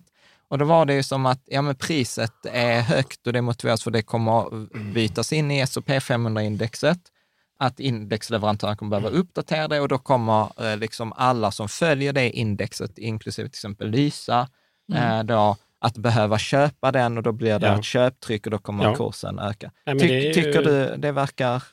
Ja, det ligger ju någonting i det, absolut. Eh, för att man vet ju på förhand vilka bolag som kommer in och kommer ut och indexfonder behöver ju som sagt då köpa eller sälja enligt den nya fördelningen. Så ja. Att, eh, ja. Men över tiden, över lång tid så ja, kommer väl eh, det rätas ut. Men det ja, finns för... väl en poäng i det där. Ja. Det som jag annars ofta hör, eller den mån jag hör någonting om indexfonder, det är att eh, Eftersom man har så många bolag, då, alla bolag har 330 bolag, så hinner man ju inte realistiskt ta ägaransvar. Man ja. hinner liksom inte gå på stämmor eller sitta i valberedning om man har den procentuella ägarandelen. eller sitta i styrelsen för den delen. Och det är klart att skulle indexfondsfenomenet bli väldigt stort så att indexfonder utgör, jag tar bara en siffra, säg 40 procent av ett bolag. Det kanske är i viss mån lite olyckligt då om det blir mindre ägare som får stort inflytande och den här stora ägaren inte tar något aktivt ansvar.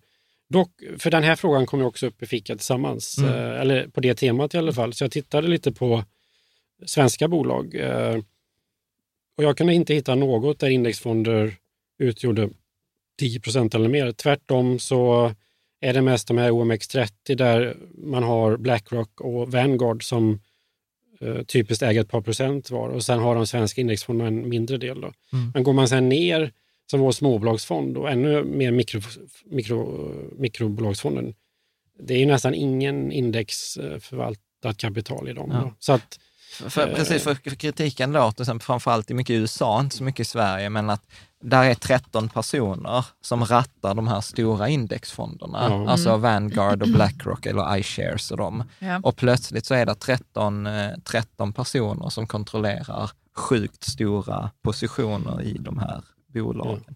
Sen, men sen kan man ju nu tänka lite fritt här, ja. och, men om vi skulle bli så framgångsrika så att vi får väldigt mycket kapital, då skulle man kunna se att man får resurserna att faktiskt ha personer som är aktiva bolagsstämmor, valberedningar om, om så skulle efterfrågas. Då. Mm. Men i Sverige är vi ju i alla fall väldigt långt eh, från att ha en så pass signifikant ägarandel. Då.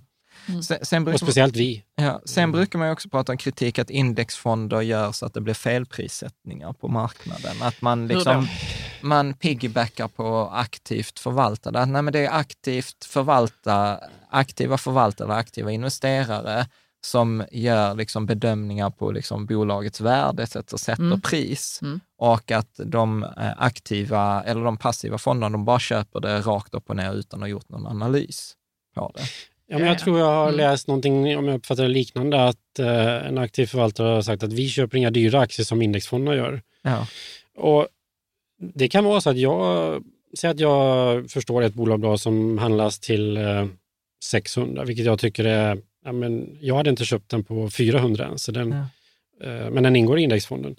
Men å andra sidan, jag hade inte ens köpt den på 150 och sen står den i 400 nu. Så att eh, eh ja, det är svårt att veta vad som är dyrt och inte dyrt. Det är lätt att om det var så enkelt att bara plocka de billiga bolagen, varför överpresterar inte de aktivt förvaltade ja. fonderna? Eller varför har man inte en fond med bara de bolagen? Ja. Liksom. Så att, eh, och så Men jag är ju partisk i det här. Eh, Vi är för indexfonder, så att, eh, ja, det ska ja. man ha med sig. ja, men så är det såklart. Så här, här, precis, här var en av de här frågorna från Dr. Chicago. Eh, där kommer ju den klar. Nu kan du säga. Ja, hur ser en vanlig arbetsdag ut för en indexförvaltare? Ja, då mm. finns det ju en del som man gör varje dag och en del som man gör när det behövs. Då. Om man tar eh, varje dag, då eh, börjar man oftast med att ladda ner den här indexsammansättningen från respektive index. Facit. Ja. Och så gör man också så kallad eh, navsättning, det vill säga vad är kursen på fonden? Eh, och sen gör man eh, den här avvikelseanalysen. Eh, hur ligger vi till jämfört med index? Ibland kan det vara så att i vissa fall väljer vi att bara äga en likvid B-aktie om det inte går att få tag på aktien. Och ibland går de kurserna, skiljer sig de ibland. Över tiden går de alltid ihop. Men, ja, så då får man lista ut om, om vi avviker eh, två, en eller två punkter. Liksom. Vad beror det på? Då? Så sitter man och gör den analysen och sen skickar man iväg det till Morningstar, de här navsättningen för fonderna. Och sen skickar de ut det till Avanza och liknande. Men den stora grejen är väl egentligen att... Eh, Dricka kaffe däremellan. ja, mycket. Nej, men den stora grejen är väl att eh, vi har ett antal distributörer. Eh, det kan jag säga att Avanza är klart viktigast och störst för oss, eh, men vi har Nordnet, vi har Fondmarknaden.se, vi har Fondo, eh, Saver och med flera.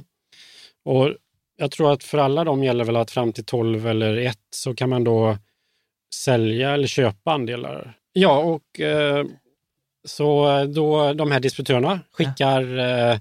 transaktionerna till oss och klockan två kan man säga, då stänger vi och summerar eh, så här mycket köp, så här mycket uttag och eh, eh, säga, nästan alla dagar då så har vi tack och lov eh, nettoinsättningar då och då det kan vara säg 6 miljoner. Vad betyder det nettoinsättningar? Ja, men då, har blivit ins alltså att folk har köpt i Varje fonden? dag så utan undantag så är det någon som vill köpa andelar i respektive fond. Mm. Och varje dag utan undantag skulle jag säga så är det någon som vill sälja andelar. Mm. mm. Men eh, ja, om man tar i år, i år då så har det väl varit eh, typ två dagar när, när eh, uttagen eller försäljningarna till belopp har varit större än insättningarna. Då. Mm, så, att, så att nästan alla dagar så, så får man en summa som man ska köpa aktier för. Då. För att vi måste replikera index. Och ja. så tittar man då, eh, vi säger att då alla bolag har fått in netto eh, 4 miljoner, för resten kvittar man ju bara då. Så då ska vi köpa för 4 miljoner. Och den eh, har väl eh, 330-340 bolag med lite fler aktieslag då. Och så ska man då sprida ut de här miljonerna på alla de här eh, bolagen. Och då har det byggts en stor Excel och så har vi bestämt att, eh, för man kan ju, så vi, skulle man ha helt rätt, då skulle man köpa i alla bolagen ner till typ 2 kronor i det minsta, men vi har satt en gräns på att vi går bara ner till 5 000. Så att om det är något innehav som ligger under att köpa för 5 000 för att motsvara sin andel av de här inflödena, då köper vi inte det för det blir för mycket administration. Men det kan ändå vara 170 bolag som vi då lägger in köpordrar i. Uh, och så det var en Excel? Eller har ja, ni någon det, typ av programmering? Nej, det är en Excel. Det är en Excel då. Fast det, det blir ju... Den gör det automatiskt? Ja. Och så eh, får man den här fördelningen. Och vad gäller just alla bolag, eh, där är det ju så att där är det ju, det finns något som heter kolen på Stockholmsbörsen, jag vet inte om ni känner till det, men sista fem minuterna så samlar man ihop alla ordrar. Och så den kursen, det blir då eh, några sekunder för eh, 17.30. Det blir ju slutkursen och det är den vi vill handla till egentligen, för det är det som den här andelsägaren köper till. Då. Mm. Så i alla bolag, eftersom det är de stora pengarna är i väldigt omsatta aktier, då kan vi handla nästan utan undantag allt i kolen. Eh, så det, då lägger man in de här, så att det blir 170 bolag vi köper i, så, och så laddar man in det i ett handlarsystem som då exekverar. Så det, I alla bolags fall är det oftast ingen manuell handpåläggning, utan ja, det, det är ett program som man kan säga även eh, privatpersoner kan skaffa via Avanza som man mm. laddar upp den här excellen i. Då. För, Men eh, om jag får bara ja, fortsätta då så har vi ju mikrobolagsfonden och där har vi ju en del eh, mindre likvida värdepapper. Så det, det, är inte alltid att det räcker att handla i den så kallade kolen då, att man, utan eh, där får man ha lite fingertoppskänsla att men, nu ska vi handla x tusen i det här bolaget. Vi kanske ska börja handla tidigare på eftermiddagen. Vi börjar handla lite klockan tre för att säkerställa att vi har köpt in de här aktierna och inte behöva liksom trycka in allt och kanske driva upp kursen det sista. Så där, det är ingen aktiv förvaltning, men det är lite handpåläggning om ni förstår. Mm. Uh, och det där bara en parentes, det där är lite roligt, för ofta brukar jag ju tänka så här, på morgonen så är det ofta amatörerna som handlar och proffsen brukar handla efter klockan två. Det, det... Ingen, ingen eh, kommentar på det faktiskt. Nej, nej, men, din egen nej men så tenderar, och sen, och sen så brukar jag tänka att mellan 9 och 9.30 så är det ofta där händer det mest och, 16, och sista halvtimmen. Och sen är ofta dagen en transportsträcka eh, däremellan. Det är väl min eh, ovetenskapliga Ja, förlåt, ja. vi ska väl inte göra det. Ja, men så, eftersom vi då har uh, tre fonder som man summerar, som igår hade vi ganska mycket inflöden, så kan det vara uh, upp mot 300 transaktioner som man lägger in. Då. Uh, men det de allra flesta görs helt automatiskt. Då. Mm. Sen något som vi också gör varje dag, det är att, och det kanske vi kommer in på mer på sen, mm. men vi, vi lånar ut aktier för fondernas räkning. Och Eh, det är ju för dem som egentligen vill blanka aktier. Och, eh, ska vi gå, dyka ner i det nu eller återkommer vi till vi det? Åter, vi återkommer ja, till det. Men i alla fall, det är ett sätt att tjäna pengar ja, på aktier som man äger, att man lånar ut Som går till, ja. fondandelsägarna. Då. Mm. Och, så det läggs lite tid på att stämma av vad som är utlånat och att det bokförs rätt och sådär. Så det, det kan man väl säga, om man inte glömmer det är väl det man gör i princip, eller man gör det varje dag. Men jag, jag, tycker ju detta är jättespännande, för att ofta så kan man ju tycka så här, nej men att, att förvalta en indexfond, det är ju som att ha en dator. Det kan ju en dator sköta. Och, och detta kastar ju du ljus på att egentligen, alltså där krävs ju en viss skicklighet, även med en indexfond, att kunna just hantera detta, liksom inflöden, utflöden, likvida medel. Ja. Eh, jobbar ni liksom också så med prognoser i förändringar i index? Eller eftersom ni har alla aktierna så är inte det så relevant? Nej. Nej. Um, en, en, annan sak som jag har tänkt på, hur funkar det rent praktiskt liksom bakom kulisserna i en fond? För att ni får ju inte in pengarna på ert konto, om jag förstått rätt. Alltså om en fond, utan att man har ju ett så här depåinstitut, fond, ja, hotell. Kan du inte bara ge oss den bilden, liksom, hur det ser ut bakom det, kulisserna i en fond? Uh, jag tror det, det kallas för förvaringsinstitut. Ja. Uh, som uh, så alla fonder har ett förvaringsinstitut? Ja, det måste man ha. Eh, och i vårt fall är det Danske Bank. Ja. Eh, där eh, alla, aktier, alla, alla tillgångar ligger ju i det hos Danske Banks förvaringsinstitut som själva gör kontroller och revisioner på, på det här. Så vad är det de kollar? Ja, men att, att de instrumenten som ska ligga där ligger där och att eh, man eh, det kan finnas eh, limiter som ska eh, vara på ett visst sätt, så kollar de det. Ja. Och det tror jag, dels gör de det automatiserat dagligen, men också gör de eh, manuella revisioner, eller man ska kolla, äh, kalla det, ett par gånger per år. Ja. Och, så, så att, och, och, sen så, så funkar ju till exempel, för ni har ett samarbete tror jag med FCG. FCG-fonder, och det är viktigt att för att kunna hålla låga avgifter behöver man hålla låga kostnader. Och eh, då är ju stordriftsfördelar viktigt och FCG då som administrerar ett 40-tal fonder eh, idag är en bra samarbetspartner som hjälper oss att administrera. Eh, och vad är det de gör då rent konkret? Alltså så här, för så här funkar det ju för rätt många fonder. Liksom. Ja. Så vad är det, vad är det, så att man har ett förvaringsinstitut, så när, när jag, så här, om vi tar det från ett annat håll. När jag, när jag köper, om jag lägger in liksom tusen kronor i alla bolag, ja. så, så gör jag det från min depå på Avanza. Ja. Vad händer med den tusenlappen? Ja, då, då, då går ju, dels går ju en order då via Avanza till FCG Fonder och sen eh, går ju pengarna till det här förvaringsinstitutet. Till Danske Bank? Ja. Okej. Okay. Uh, och där alla aktier kommer in och går ut därifrån också. Så att det är Danske Bank som har liksom depån där alla aktierna... Ja, så att uh, PSG Capital, vi betalar ju Danske Bank uh, en ganska signifikant avgift både per transaktion och en procentuell av förmögenheten för att de ska vara fondsinstitut. Mm. och, och FCG Fonder får ju då den här orden och Eh, det här som vi pratar om vad man gör på en dag, det gör mm. då eh, framförallt eh, Tom då på, eh, på eh, FCG-fonder. Ja. Men får jag bara fråga, du sa att ni betalar eh, signifikant till handel, eh, förlåt, Danske, Danske Bank. Bank. för att för att de har ju alla aktierna där ja. och, och, har koll på pengarna. Så de, och... de får en... Kan ni känna så? Vi vill inte, vi vill inte ha ett ja, förvaringsinstitut. Det, det är inget alternativ. Det man, finns, då får man inte tillstånd att bedriva nej, nej, den verksamheten. man måste ha en och, sån ja. etablerad bank. Ja, det är typ SEB är ganska vanligt också. SEB är väl, mm, skulle jag säga, den största. Så när vi körde PSG Micro, Microcap, eh, då hade vi SEB. Eh, dansk... Eh, jag tror Lysa använder Danske Bank eh, också. Dansk, de, de, har lite olika prissättningar och så som beroende på vad det är för ja, Eh, så, så jag skulle säga att både SEB är väldigt duktiga, vi var väldigt nöjda med dem. Danska ja. är bra.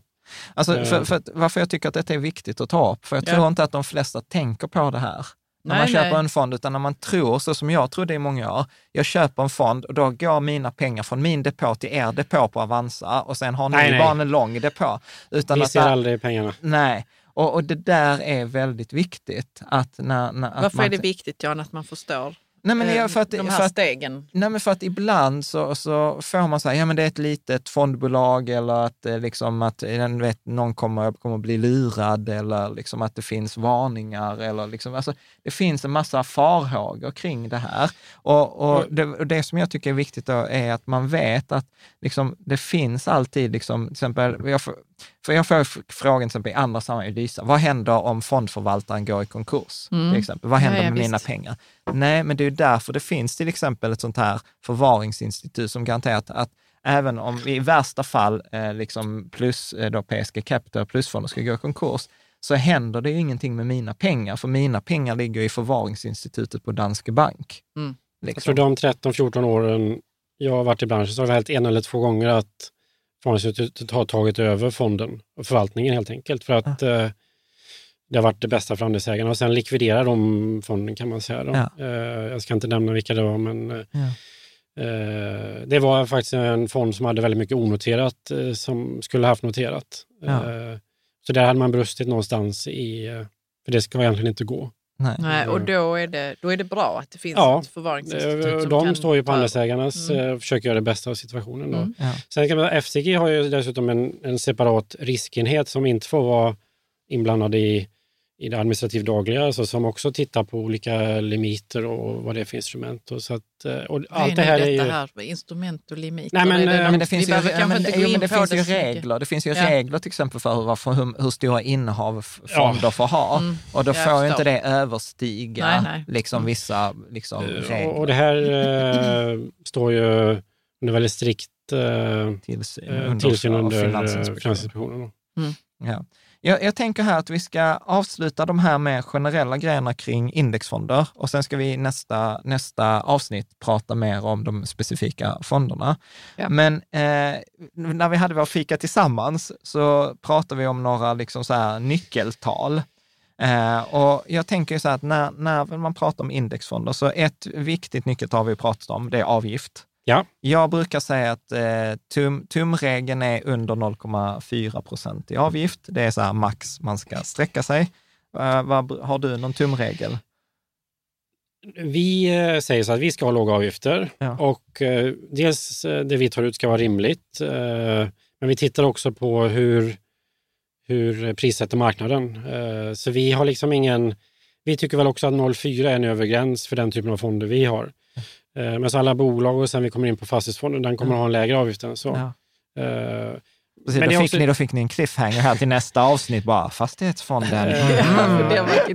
och, uh, det är också, vi tycker det här är kul och vi vill skapa någonting. Vi vill konkurrera med etablerade aktörer, men vi vill ju också på lång sikt kunna tjäna pengar. Ja. Det är klart att uh, det var någon fråga på Fika Tillsammans angående utmaningar med likviditet i mikrobolagsfonden potentiellt vilket den personen eh, insiktsfullt hade rätt i, att den kan inte bli 5 miljarder stor. Eh, utan då har vi stött på likviditetsproblem, framförallt när det görs omviktningar i index. Då.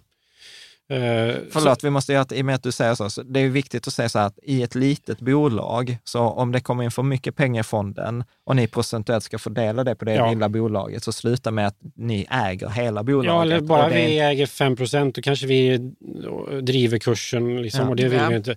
Så mm. då, den kanske bara kan bli, vi har inte satt någon exakt gräns, men den är inte så hög och då, då kan vi inte ta 0,1 procent, för då kommer den alltid ge en förlust, liksom, utan då måste man ha 0,4 för att ja. den överhuvudtaget ska kunna göra något överskott. Ja. Och återigen, värt att komma ihåg dig som lyssnar, 50 procent av det går till Nordnet eller Avanza. Mm. Ja. Så, att, så, att, ja. så, att låga, så att när vi tittar på indexfonder så är viktiga så här, låg avgift tycker jag, jag brukar säga 0,4 och det är så här generellt. Ibland kan vissa typer av, vissa få typer av indexfonder kan ligga på 0,2 men det är ganska, ganska ovanligt. Eh, sen, brukar vi, sen har vi pratat så här, avvikelse mot indexet har ja. du varit inne på. Tracking error eller aktiv risk. Vi, istället för att använda en sån metric eh, så har vi lite mer konkret eh, avvikelse i punkt när vi, mm. ja, eh, så, så vi tittar i men där brukar, där brukar jag ju också säga, alltså så här, tänk för den som lyssnar, så när man tittar på er fond mm. eller man tittar på vilken fond som helst, så tracking error kan man se på Morningstar. Och då vill man egentligen så här, poängen det är, det ska, det ska vara så lågt som möjligt. Mm. Eh, liksom så här, snittet på alla indexfonder är 38 baspunkter, 0,38. Okay. Vanguard som anses vara liksom de största och bästa i världen, de ligger på fem baspunkter. I tracking error. I tracking error. Eh, ja. Precis, alltså avvikelse. Vi kan väl, eh, ja, var hittar man det någonstans? Morningstar, ja, okay. på Morningstars Bra. hemsida. Mm. Och, och, sen så tänker jag också att man brukar eh, prata om active share, eller aktiv andel, som är ett mått på hur mycket av fondens innehav finns i jämförelseindex. Att om jämförelseindex har 100 bolag, har fonden liksom 100 bolag. Och här vill man också lite ointuitivt vill man ha noll. Ja. Uh, active share. Så att det är också ett sånt här nyckeltal om man vill utvärdera själv. Nu, vadå, vad är då noll?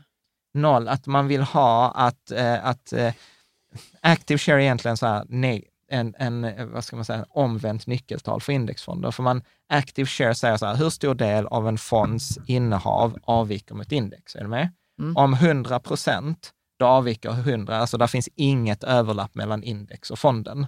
Nej, precis. Hänger du med? Ja. Och då vill man att det ska vara så litet som möjligt. Så du sa noll. Noll. Ja. Så att i, i, en indexfond så vill man ju ha noll avvikelse mellan jämförelser. Och det kallas då för active share eller aktiv andel. Och, och, det var ju du, du sa du i ett förbigående, så här, nej men vi vill ha så liten eller i princip obefintlig avvikelse mot index. Och, ja, ja och, och, då kommer man in på något som också är väldigt viktigt för oss ja. och det är kanske mest specifikt för oss. Att vi vill verkligen följa index och ha alla aktier. Så bara ta som ett exempel.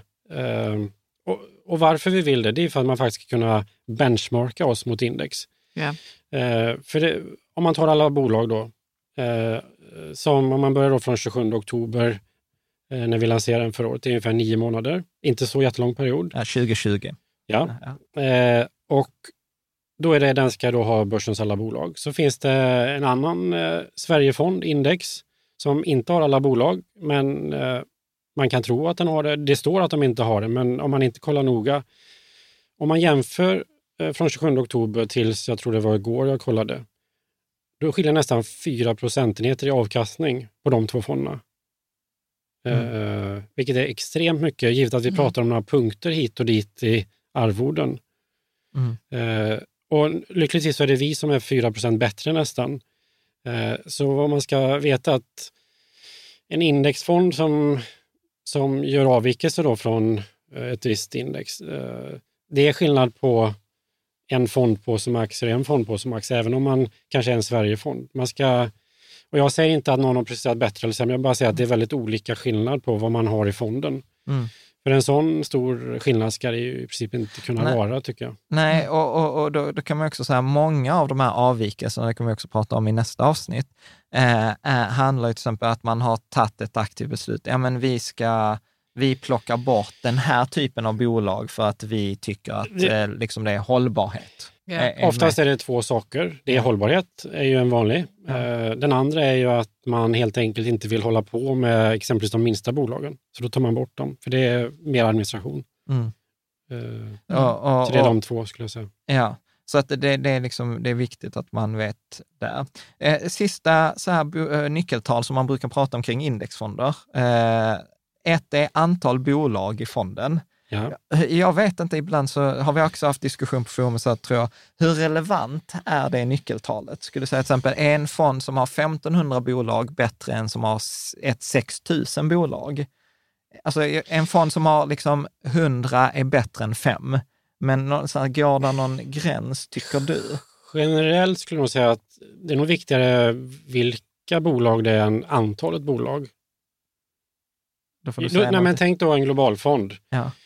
Eh, jag kanske hellre vill ha fler länder med ja. Eh, för en bättre spridning eh, än att ha fler bolag i samma land exempelvis. Mm. Förstår du? Ja, absolut. Så, det viktiga är liksom att man får med det viktiga än att man har x antal bolag kan jag tycka. Ja.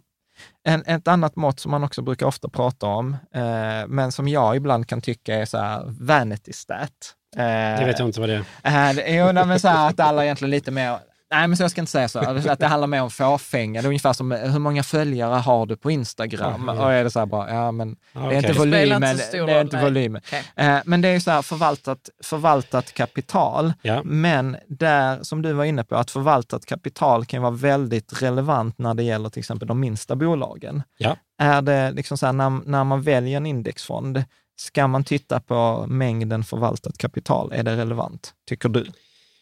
Nej, jag tycker... Eh, inte det egentligen har någon påverkan på, på en indexfond. Ja. Utan det enda är just att mikrobolagsfonden, den har en övre gräns på hur mycket. Ja. Men sen är det ju som vissa insiktsfulla, eh, lite, jag tror på Rika Tillsammans och på eh, Twitter, har skrivit att när en fond startar, eh, då får man ju inflöden och går det bra så får man liksom procentuellt ganska stora inflöden. Och då blir det initialt högre courtageavbränning. Eh, vi kommer komma tillbaka till våra fonder sen, men plus alla bolag eh, eh, har vi liksom i förvaltningen följt precis spot on.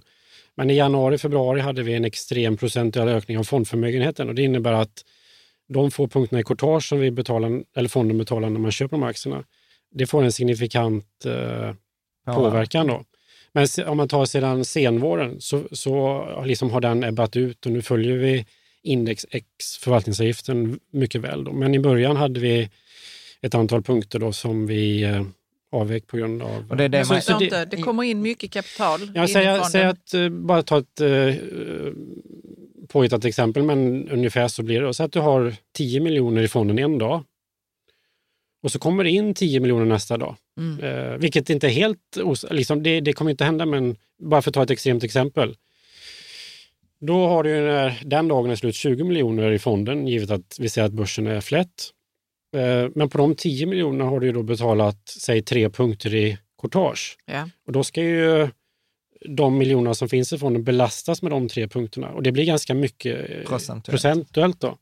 Jag känner mig lite dum nu för jag har inte frågat vad det här med punkter. Ja, det är, det är, en, slarvigt. En, först tänkte jag så här, men det är någon nej, procent. Det är en hundradel, en baspunkt är en hundradel av en procent. Så det är lite finans... 0,01 procent. Ja, är det, det promille då? Nej, det, nej, det är en baspunkt. Det är en eh, finanslingo. Jag, ja, det, nej, men det var likadant när jag började höra det första gången. Vad är jag tänkte så här, men vi, vi kommer till nej, det. Jag, vi säga, förstår ja, det om ett tag. Bara, ja, nej, men, det är så här, istället för att säga 0,20 procent så säger man 20 punkter.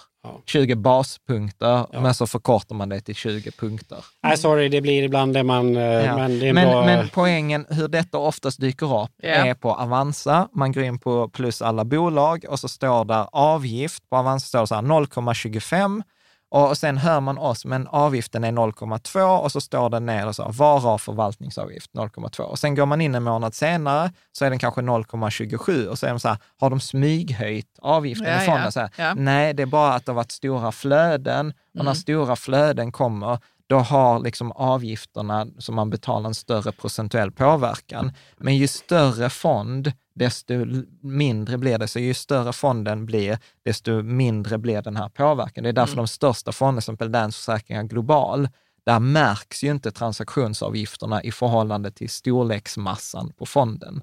Var det, mm. Håller du med? Eh, ja, ja, jo, men det är absolut. Eh, sedan eh, tror jag att hålla eh, globala aktier har andra kostnader förutom courtage också ja. som eh, Eh, Eh, många bäckar små, men så är det det går inte att undvika. Ja. Men jag tänker så här, jag tycker detta är så här superspännande. Vi har, nu har vi pratat ganska mycket generellt om eh, indexfonder. Jag tänker att i nästa avsnitt så ska vi dyka ner i de nya fonderna. Du har redan ja. cliffhangat eh, här att vi ska, att ni kommer lansera en fastighetsfond.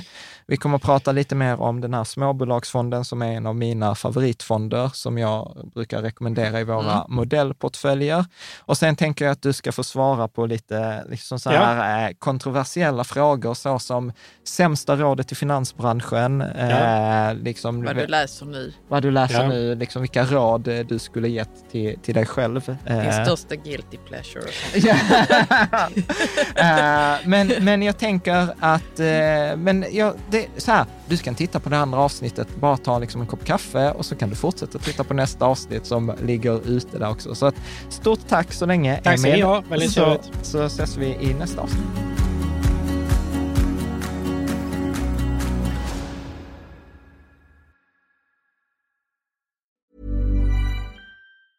Planning for your next trip? Elevate your travel style with Quince. Quince has all the jet setting essentials you'll want for your next getaway, like European linen, premium luggage options, buttery soft Italian leather bags, and so much more. And is all priced at 50 to 80% less than similar brands. Plus, Quince only works with factories that use safe and ethical manufacturing practices. Pack your bags with high-quality essentials you'll be wearing for vacations to come with Quince. Go to quince.com slash pack for free shipping and 365-day returns. Mom deserves the best, and there's no better place to shop for Mother's Day than Whole Foods Market. They're your destination for unbeatable savings, from premium gifts to show-stopping flowers and irresistible desserts. Start by saving 33% with Prime on all body care and candles. Then get a 15-stem bunch of tulips for just $9.99 each with Prime. Round out Mom's menu with festive rosé, irresistible berry chantilly cake, and more special treats. Come celebrate Mother's Day at Whole Foods Market.